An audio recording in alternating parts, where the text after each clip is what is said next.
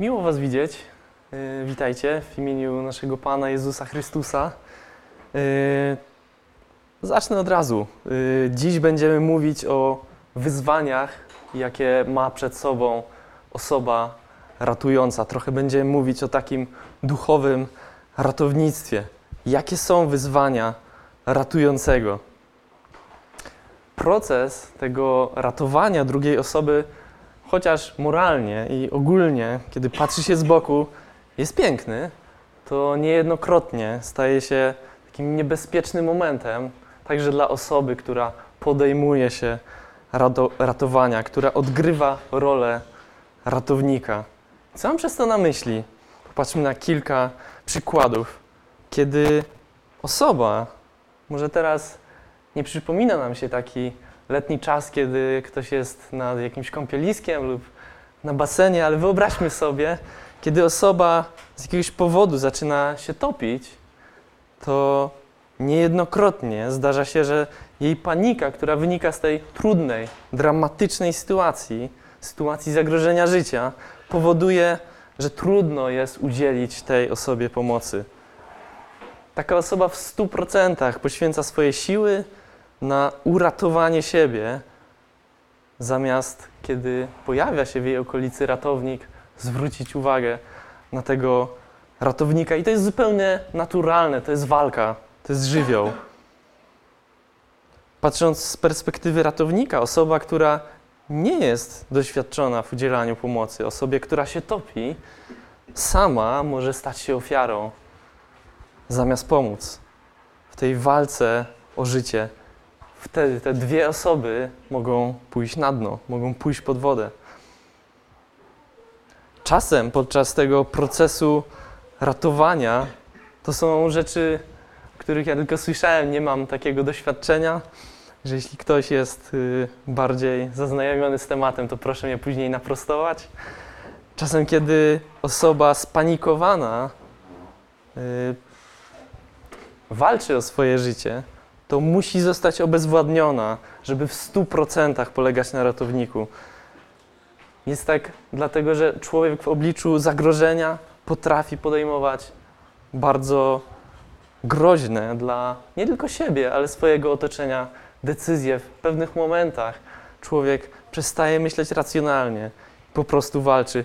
Podobnie jest ze zwierzętami. Nie wiem, czy widzieliście kiedyś, może nie na żywo, ale. Mm, na przykład w internecie, kiedy zwierzę zapląta się, czy to w jakiś drut, czy to w jakąś linę, czy w jakieś gałęzie, czy jest to jakaś y, bardziej drapieżna ryba, która podpłynęła zbyt blisko plaży, y, to kiedy ktoś podejmuje się próby ratowania takiego zwierzęcia, to musi liczyć się z tym, choćby miał jak najpiękniejsze intencje. Chcąc uratować takie Boże stworzenie, może się wiązać to z atakiem, ze strony tego zwierzęcia. Trzeba zachować ostrożność. Możesz dostać kopniak, który złamie Twoje kości. Możesz zostać ugryziony i Twoje tkanki będą rozerwane. I tym podobne przykrości mogą Ci się wydarzyć, chociaż Ty chcesz pomóc. Chociaż Ty jesteś pełny, pełna dobrych intencji.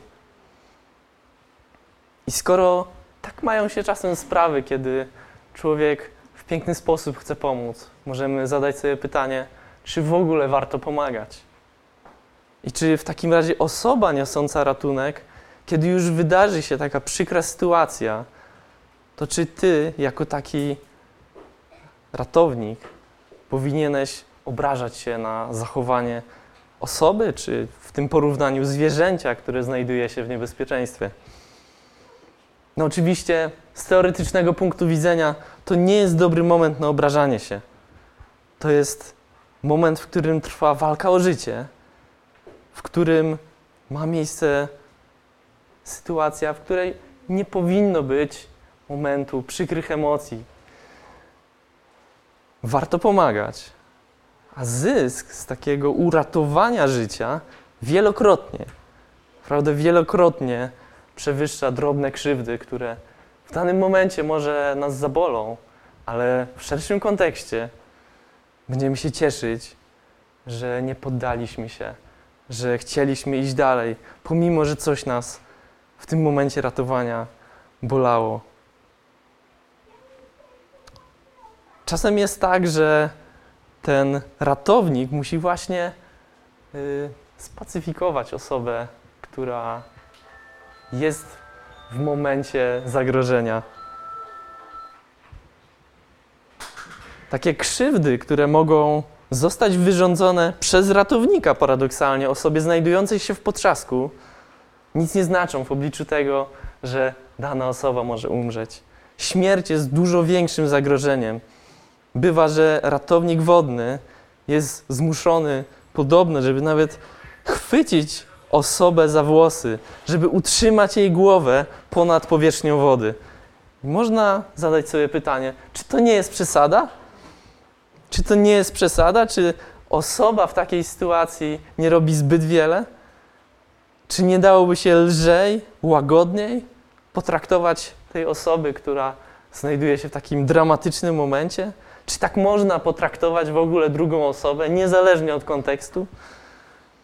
Ale to o środkach ratunkowych nie decyduje, co ta osoba w normalnej sytuacji chciałaby, czy co byłoby dla niej przyjemne, ale podjęte działania i ich kontekst decydują o tym, jakie kroki powinny zostać podjęte. Gdy mowa o życiu albo śmierci, nie jest czas na przebieranie w środkach. I w takich momentach decydujemy się raczej na to, co jest konieczne, byleby. To jest najwyższy cel, byleby nie stracić kogoś, może bezpowrotnie.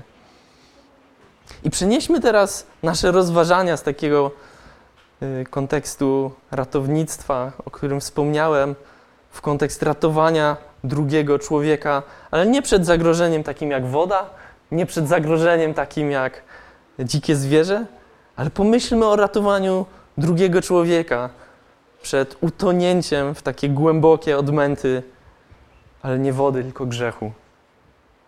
Pomyślmy o podawaniu pomocnej dłoni, kiedy ktoś swoimi decyzjami ucieka od Boga. Trzeba go odciągnąć, trzeba go zabrać, przyciągnąć, kiedy dana osoba, robiąc krzywdę samemu sobie, czasem także swojemu otoczeniu, ucieka jak najdalej od Boga.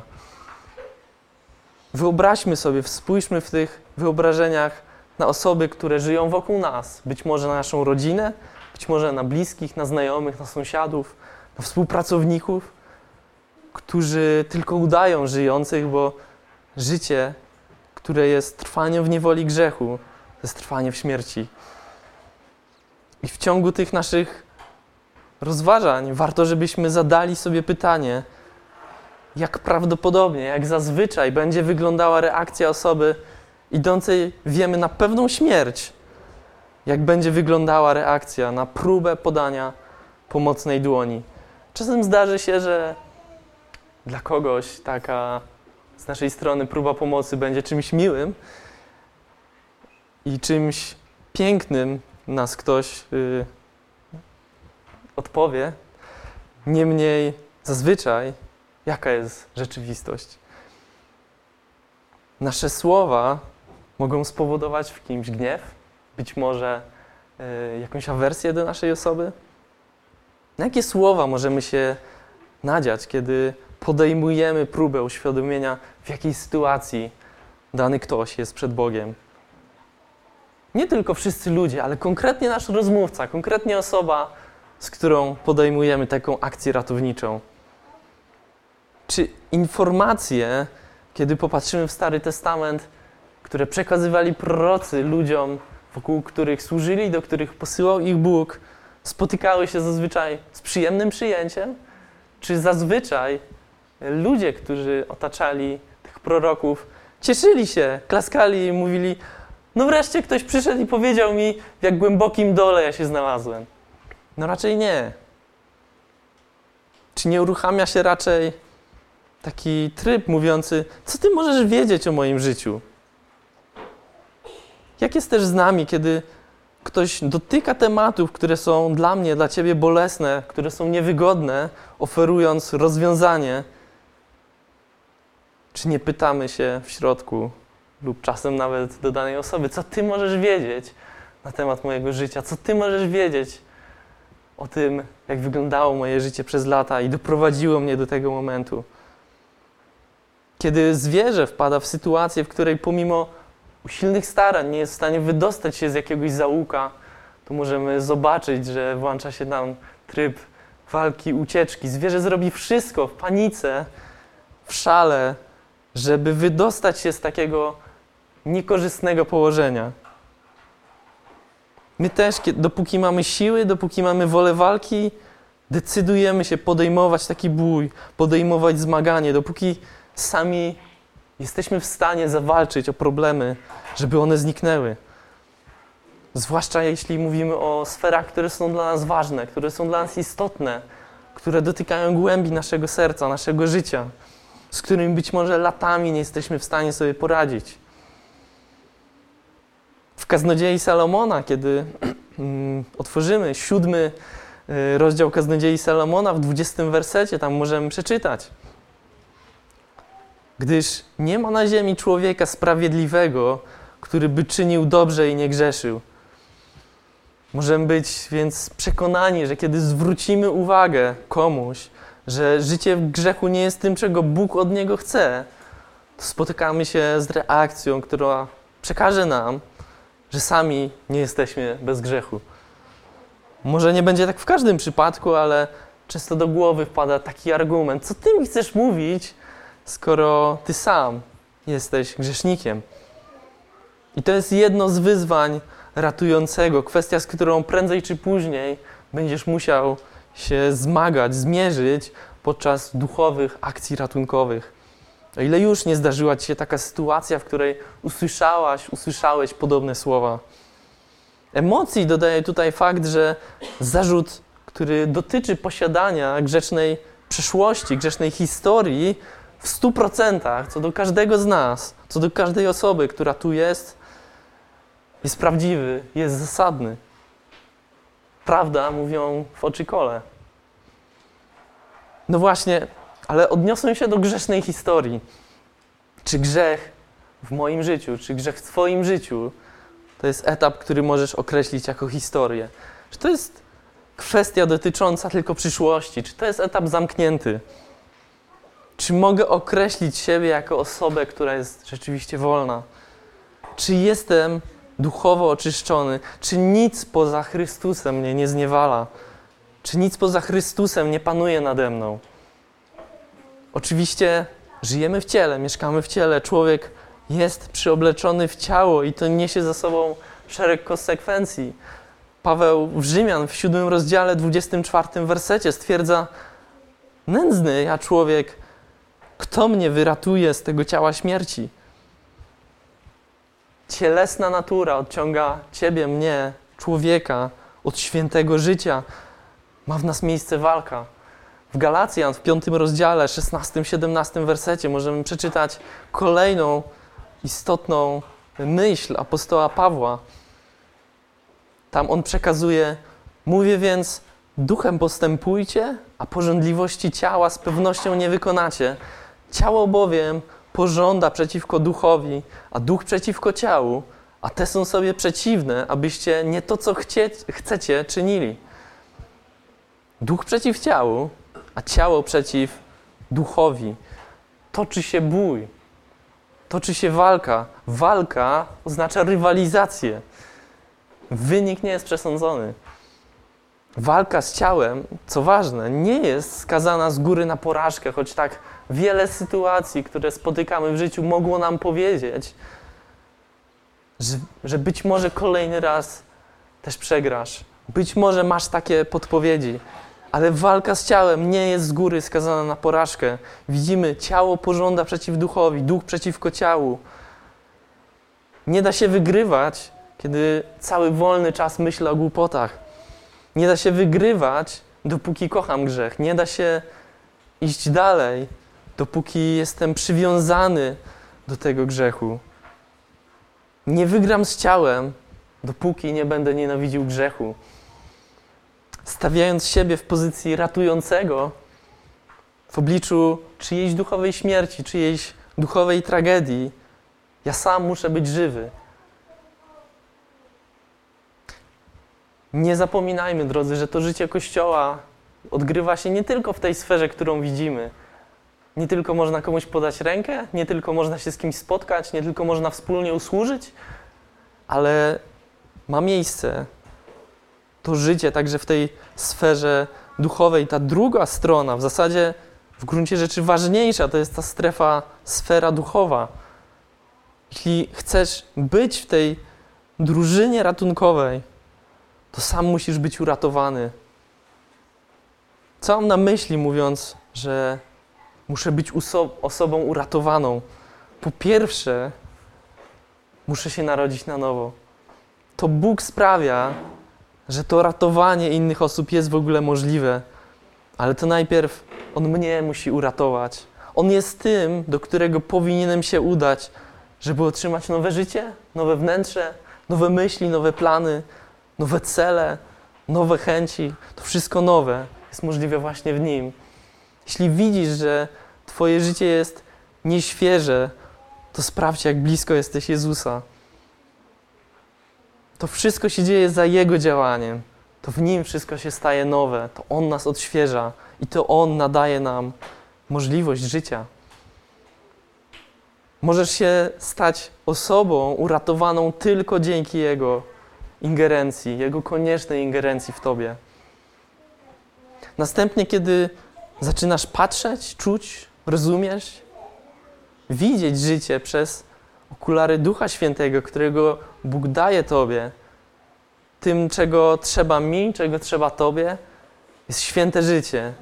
Bóg bardzo ceni czystość i to jest taki krok po kroku proces, który możliwie skracam, żebyśmy mogli iść dalej. Jeśli chodzi o to święte życie, to nie jest ono możliwe, kiedy nie jesteśmy blisko Chrystusa, kiedy On nas nie przyciągnie.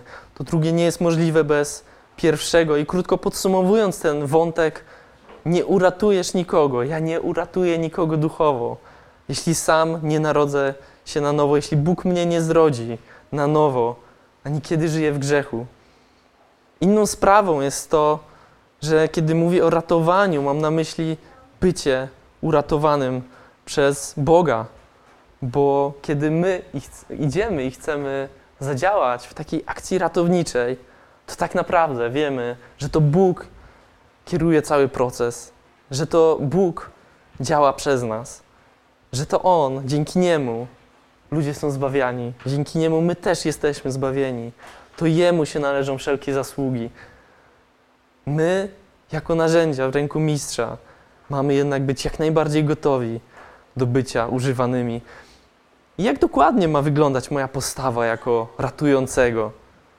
Bo znajduję się na wojnie w obliczu ostrzału wroga. W Tytusa 2:7-8 czytamy: We wszystkim stawiaj siebie jako wzór dobrych czynów. W nauczaniu okazuj prawość, powagę, czystość, słowo zdrowe, nienaganne, aby przeciwnik został zawstydzony, nie mając nic złego o was do powiedzenia. I to jest jedno z miejsc z wielu, które mówi o tym, że Bóg oczekuje życia, które będzie Jego godne. Jak się mamy zachowywać? Po pierwsze, mamy stawiać siebie za wzór, ale nie słownie, tylko przez praktyczne owocowanie, przez robienie użytku z usłyszanego Słowa Bożego. W cały czas w tym opisywanym kontekście czytelnik Biblii może dostrzec pewien paradoks, który się przedstawia następująco. Po pierwsze, sami jesteśmy grzesznikami. Jako ludzie sami z siebie nie stać nas na nic więcej. Mówi o tym na przykład wspomniany wcześniej fragment z Kaznodziei Salomona 7:20, albo gdybyśmy chcieli znaleźć podobną myśl w Nowym Przymierzu, to jest to Rzymian 3:23, tam czytamy, bo wszyscy zgrzeszyli i są pozbawieni chwały Bożej.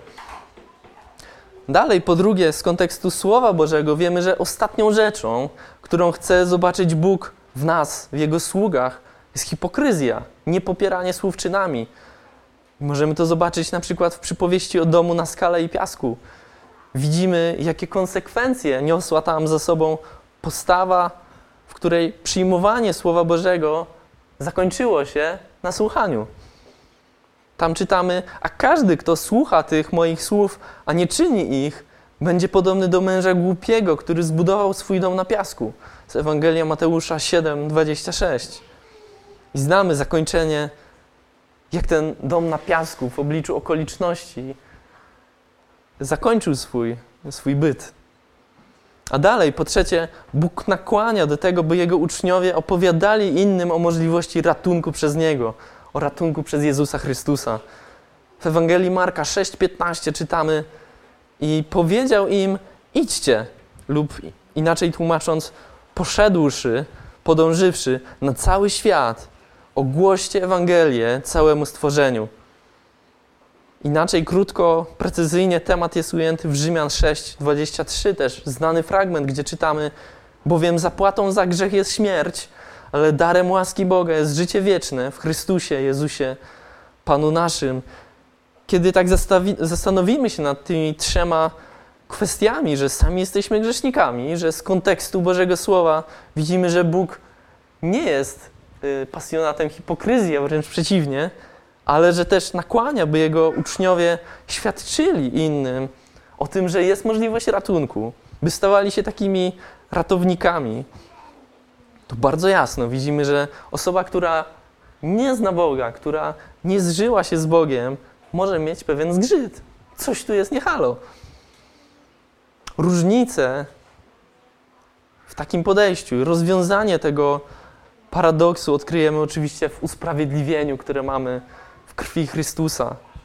Możemy być grzesznikami usprawiedliwionymi, którzy postanowili dzięki Bożej łasce skończyć z życiem w grzechu. To Bóg daje nam taką zdolność. Z pewnością, drodzy, kiedy trwamy w grzechu, nie jesteśmy wierni Bogu. Cokolwiek mówimy, cokolwiek chcemy powiedzieć innym, cokolwiek mówimy sobie, jak bardzo nie jesteśmy zaangażowani w służbę, jak bardzo nie jesteśmy aktywnymi członkami Kościoła, to trwając w grzechu, nie jesteśmy wierni Bogu. Dlatego powinniśmy być świadomi tego, jaki jest nasz aktualny status przed Bogiem. Nie jak było kiedyś. Słyszę, kiedy ktoś porównuje swoją formę fizyczną i mówi: 20 lat temu to było, rok temu to było. Ale tutaj widzimy, że Bóg mówi, żeby popatrzeć na to, co jest teraz. Tutaj zaraz pokażę gdzie. Pierwszym Jana, w pierwszym rozdziale, od 5 do 9 wersetu czytamy, jak ma wyglądać taki bardzo ważny mechanizm w życiu z Bogiem, w życiu z Jezusem. Pierwszy Jana, pierwszy rozdział, od 5 do 9 wersetu mówi tak. A to jest poselstwo, które słyszeliśmy od Niego i Wam ogłaszamy, że Bóg jest światłością i nie ma w Nim żadnej ciemności. Jeśli mówimy, że mamy z Nim społeczność, a chodzimy w ciemności, kłamiemy i nie czynimy prawdy. A jeśli chodzimy w światłości, jak On jest w światłości, społeczność mamy między sobą, a krew Jezusa Chrystusa, Jego Syna, oczyszcza nas z wszelkiego grzechu. Gdybyśmy powiedzieli, że nie mamy grzechu, sami siebie zwodzimy i prawdy w nas nie ma. Jeśli byśmy wyznawali nasze grzechy, Bóg jest wierny i sprawiedliwy, aby nam odpuścił grzechy i oczyścił nas od wszelkiej nieprawości. Widzimy ten dobrze znany mechanizm, który opisuje, co jest podstawą życia Bożego dziecka, co jest podstawą życia Bożego sługi, co jest zatem podstawą osoby, która idzie jako ratownik. Ratownik w kontekście życia wiecznego i piekła. Patrzymy właśnie w takim wiecznym kontekście. Odnosząc się do tego fragmentu, czy ja chodzę w światłości? Czy rozumiem, co Bóg ma w ogóle przez to na myśli? Czy korzystam z Jego przebaczenia? Czy jestem na tyle pokorny, żeby zawalczyć z ciemnością, ciałem, grzechem dla korzyści nie swoich, ale Królestwa Bożego? Powiedziałem pokorny, dlatego że bycie zależnym od kogokolwiek, nawet od Boga, wymaga jakiegoś uniżenia, wymaga pokory, wymaga poddania się. Kiedy będziemy mogli z czystym sumieniem powiedzieć, że chodzimy w światłości, że nasze wnętrze jest rozkochane w Bogu, że jest pełne nienawiści do grzechu, właśnie wtedy nie damy się atakom osoby, którą ratujemy, a w zasadzie atakom tego, co stoi za daną osobą, za daną sytuacją. I tu mam na myśli Efezjan 6:12, gdzie czytamy, że nasz bój nie toczy się z krwią i z ciałem. Kontynuując, grzech jest pojęciem bardzo rozległym, kiedy przechodzi się do konkretnych życiowych przykładów. Tak też pól do ataków ze strony przeciwnika jest bardzo, bardzo wiele. I to prowadzi nas do potrzeby odnalezienia sposobu radzenia sobie ze zranieniami, które mogą powstać na wielu, wielu polach. Kiedy mówimy o służbie, o ratowaniu innych, nie mówimy tylko o jakimś konkretnym wyjeździe, na który możemy pojawić się na chwilę, tam skupić się na walce, a potem wrócić. Nasza walka odbywa się na każdym możliwym polu. Zranień może być więc wiele, na wielu polach, czasem z miejsc, których byśmy się nie spodziewali. Na pytanie, czego potrzeba takiemu duchowego, duchowemu ratownikowi, częściowo odpowiada fragment, który sąsiaduje z, z kaznodziei Salomona 7:20. To fragment, od którego rozpoczęliśmy dzisiejsze rozważania.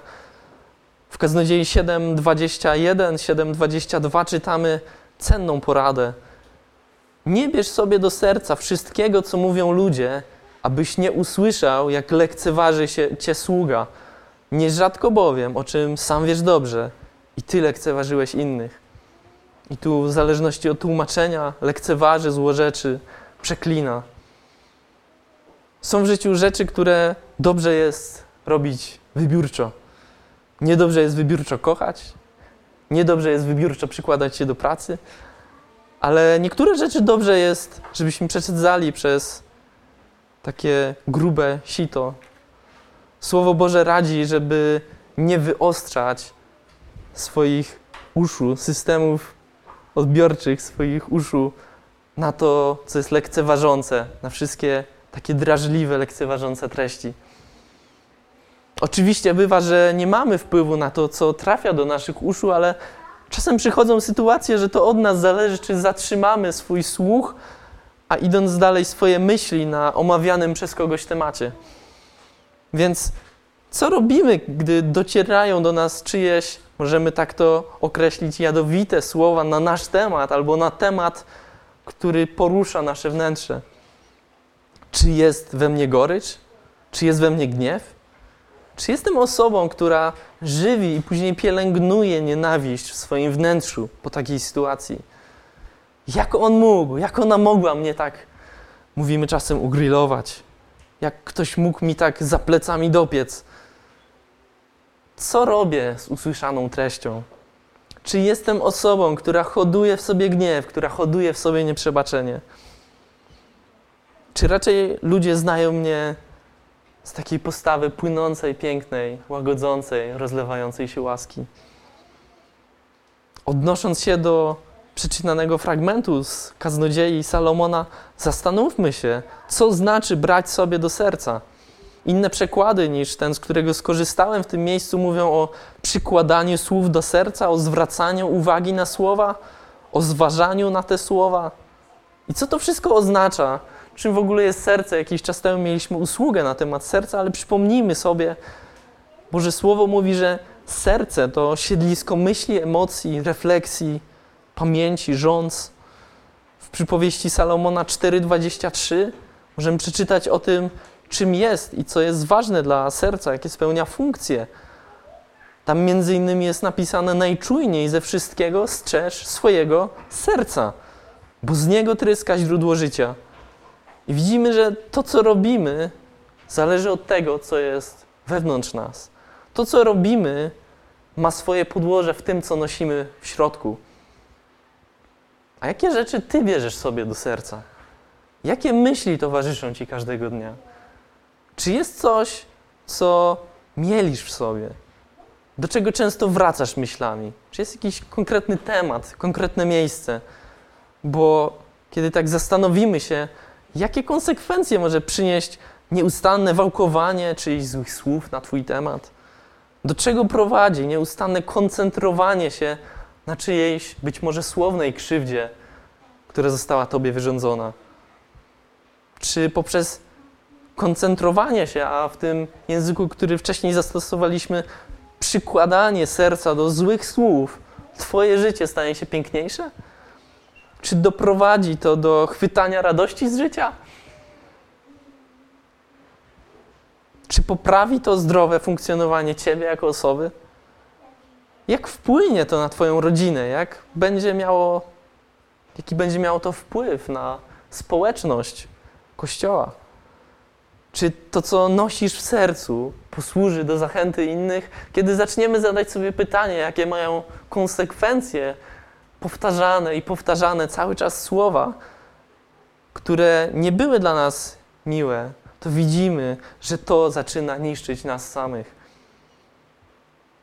W Ewangelii Mateusza 12:34 w drugiej części tego wersetu możemy przeczytać, że przecież z obfitości serca mówią usta. I pytanie, czy zauważasz, że tak to właśnie funkcjonuje? Kiedy przeniesiesz się do praktyki, to co powiesz, kiedy ktoś zapyta ciebie, co u ciebie słychać, jak się masz? Co wtedy się z ciebie wyleje, jeśli nosisz wiele takich spraw? A generalnie to fatalnie. Nie po drodze mi z Marianem, z Klaudią, z Janem, z Michałem, Kamilem, Markiem, Krystyną. Sami toksyczni ludzie, a poza tym to w porządku. A jak u ciebie? No, oczywiście raczej tak nie mówimy. Staramy się tuszować to, co jest wewnątrz nas. Można stwierdzić, że konflikty, które przeżywamy wewnątrz, mają jednak wpływ na to, co mówimy, jak się zachowujemy, nawet jeśli chcemy ukryć to, co w sercu nas kuje. Taki jest przekaz Słowa Bożego, taka jest rzeczywistość, że to, co masz w środku, będzie przenikać się do tej rzeczywistości, która jest wokół, niezależnie od tego, czy tego chcesz, czy nie. Jaka ma być więc nasza postawa w obliczu, kiedy zasłyszymy albo bezpośrednio ktoś w twarz powie nam słowa, które nie są dla nas miłe, które są dla nas niechciane? I słowem, na które powinniśmy w tym miejscu zwrócić uwagę, jest łaska. Dziś szczególnie zwróćmy uwagę na łaskę. Dlaczego właśnie na nią? Dlaczego właśnie łaska jest potrzebna do bycia osobą, która niesie pomoc, która niesie dobrą radę? Dlaczego jest konieczna w nas pewnego rodzaju rezerwa, pewnego rodzaju ubezpieczenie, kiedy chcemy być ratownikami?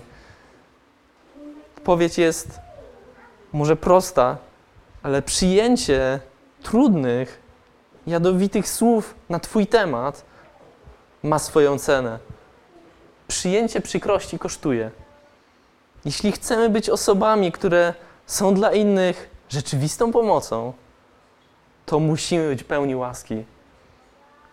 Tak jak ratownik medyczny, który kiedy rozpoczyna akcję z osobą, której nie zna, która wydaje się być y, podejrzana, to od takiej osoby, która zajmuje się właśnie ratowaniem osób, usłyszałem kiedyś, że kiedy podejmuje taką akcję, to musi zachować szczególną ostrożność. Musi ustawić się w taki sposób, że kiedy zada pytanie, halo, czy wszystko w porządku, kiedy taka osoba ratowana w tym momencie okaże się, że jest przytomna, żeby nie wystraszyła się i nie podjęła groźnych dla tego ratownika działań. Mówimy, że przestraszony człowiek w akcie desperacji może zadziałać po prostu impulsywnie i bezmyślnie.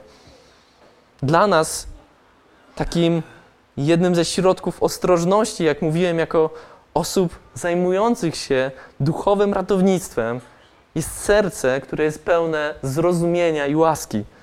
To jest nasz bufor. To jest nasze y, takie miejsce, taki, taki nasz zderzak, tak? Ze słownej definicji słownikowej łaska jest czyjąś przychylnością, wspaniałą myślnością, darowaniem albo złagodzeniem kary. I takim praktycznym wymiarem okazania łaski jest po prostu akt przebaczenia.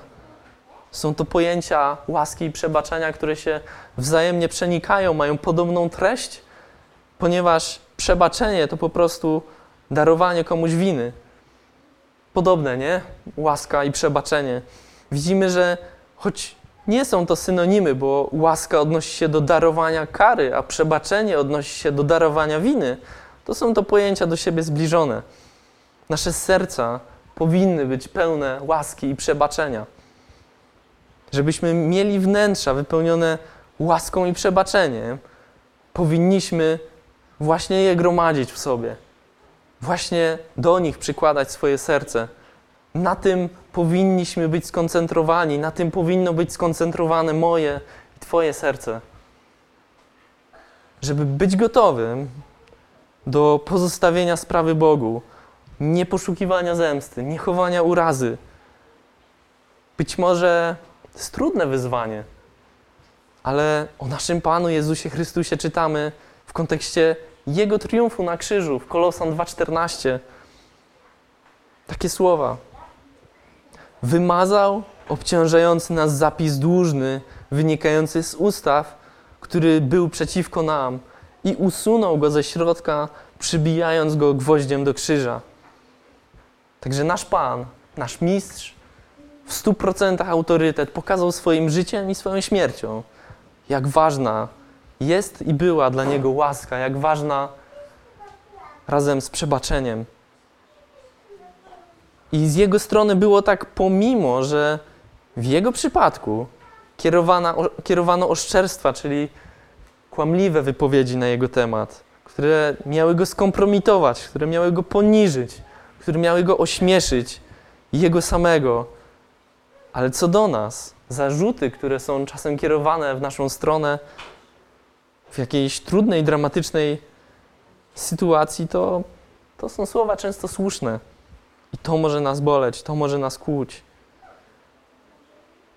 Jednak my powinniśmy być pełni łaski, przebaczenia. I ten temat pięknie widać w sytuacji, która odbywała się na krzyżu pomiędzy Jezusem a wiszącymi tam złoczyńcami. W Ewangelii Łukasza, 23 rozdziale, od 39 do 43, czytamy o praktycznym okazaniu dobrej postawy. Tam widzimy, a jeden z powieszonych przestępców bluźnił mu, mówiąc: Jeśli ty jesteś Mesjaszem, ratuj samego siebie i nas. A odpowiadając, drugi gromił go, mówiąc: Czy ty Boga się nie boisz, choć taki sam wyrok ciąży na tobie? My wprawdzie sprawiedliwy bo słusznie odbieramy karę za to, co uczyniliśmy, ale ten nie uczynił nic niegodziwego. I powiedział: Jezusie, Panie, wspomnij na mnie, gdy przyjdziesz do swojego królestwa.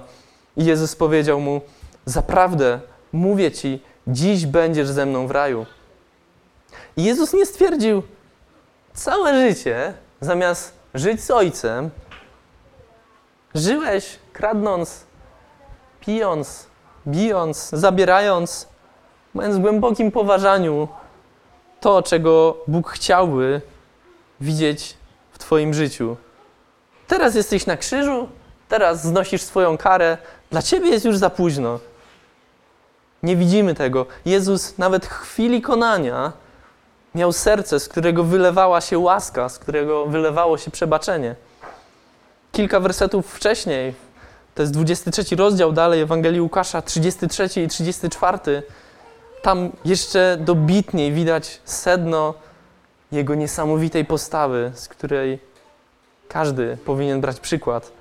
Tam widzimy, i gdy przyszli na miejsce zwane czaszką, tam go ukrzyżowali i przestępców, jednego z prawej, a drugiego z lewej strony. A Jezus mówił: Ojcze, odpuść im, bo nie wiedzą, co czynią. A gdy rozdarli jego szaty, rzucili o nie los. I kiedy byśmy czytali tam dalej, to widzimy, jakie ogromne szyderstwo uderzało w to, kim był Jezus, w tożsamość Jezusa w tak trudnym momencie. Właśnie w takich okolicznościach, kiedy nie tylko ta jego tożsamość, ale też cel jego misji ratunkowej tu na ziemi były pod ogromnym ostrzałem. Właśnie wtedy, kiedy fizyczne i psychiczne możliwości człowieka są na zupełnym skraju wyczerpania, na skraju załamania, Jezus na granicy ze śmiercią pokazał, co skrywa w swoim sercu. Co się wylało z serca Jezusa. Jezus nawet wtedy był pełen łaski był pełen przebaczenia. Wylało się to, co w nim rzeczywiście było. Podobne zachowanie możemy dostrzec w postawie Szczepana, w którym też była łaska i przebaczenie. W dziejach apostolskich w szóstym, siódmym rozdziale możemy zobaczyć, na przykład w 6.10 czytamy, że pewni ludzie związani z synagogą nie byli w stanie poradzić sobie z mądrością, z działaniem ducha, pod wpływem którego służył, przemawiał, działał Szczepan. I później, kiedy idziemy przez ten szósty, siódmy rozdział dziejów, widzimy o procesie opartym tak samo jak w przypadku Jezusa na oszczerstwach na temat Szczepana. Kiedy w siódmym rozdziale, skrótowo to wszystko ujmując, obserwujemy finał sprawy Szczepana, to uderza mnie piękna, pełna łaski, pełna przebaczenia postawa tego Bożego sługi. Nie wiem, czy pamiętacie, końcówka siódmego rozdziału dziejów apostolskich, tam w wersetach 59-60 autor mówi: Kamienowali tam Szczepana, który wzywał imienia Pana i mówił: Panie Jezu, przyjmij mego ducha. A gdy upadł na kolana, zawołał donośnym głosem: Panie, nie policz im tego grzechu. Po tych słowach zasnął. Co Szczepan miał wewnątrz, żeby wypowiedzieć takie słowa? Szczepan pokazał, jak wygląda serce osoby, która nauczyła się cennej lekcji od nauczyciela, od Jezusa. Szczepan pokazał, jak wygląda serce osoby, która położyła swoje pragnienia zemsty w rękach Boga. Bo w ogóle nie widzimy tutaj, żeby takie dla starego człowieka naturalne reakcje się w nim pojawiły. Szczepan pozwolił, żeby znalazło się w tym sercu na tyle łaski, żeby nie zabrakło jej dla żadnego z wielu oprawców, którzy rzucali na niego kamienie. Szczepan w swojej postawie przypomina mistrza, przypomina Pana Jezusa. W swojej postawie prezentuje prawdziwego ucznia, który naprawdę nauczył się ważnej lekcji, lekcji, o której dziś mówimy, lekcji łaski i przebaczenia. W Bożym Słowie jest jeszcze wiele fragmentów, które dotyczą właśnie tych dwóch słów. Chciałbym je jeszcze powtórzyć: łaska i przebaczenie na te tematy. Z pewnością nie bylibyśmy w stanie dziś nawet dojść do, do okolic wyczerpania tematu. Moglibyśmy na przykład zajrzeć do 18 rozdziału Ewangelii Mateusza, gdzie Piotr pyta o granice przebaczenia z Bożej perspektywy do przypowieści o królu, w której w odpowiedzi od Jezusa usłyszał, co jest ważne. Tam czytamy o królu, który chciał się rozliczyć ze swoimi sługami, to jest 29 werset. Czy w Starym Testamencie, choć miało to swoje granice, widzimy wielokrotnie Bożą łaskę i Jego przebaczenie. Już na kartach pięcioksięgu Mojżeszowego, kiedy Bóg wysłuchiwał próśb Mojżesza, albo kiedy zgodnie z prawem ktoś zgłaszał się do kapłana, a przebaczenie przychodziło w tamtym czasie przez ofiarę.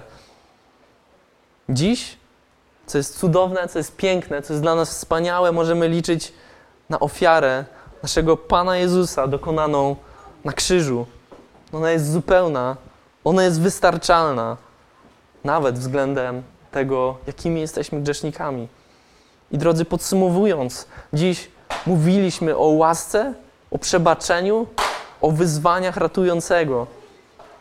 I tak na zachętę chciałbym przeczytać jeszcze z listu Jakuba 5, 19, 20 słowa, które tam są zawarte, a jest tam napisane: Drodzy bracia, jeśli ktoś z Was zboczy od prawdy, a inny go nawróci, niech wie, że ten, kto nawrócił grzesznika z jego błędnej drogi, uratuje jego duszę od śmierci i zakryje mnóstwo grzechów.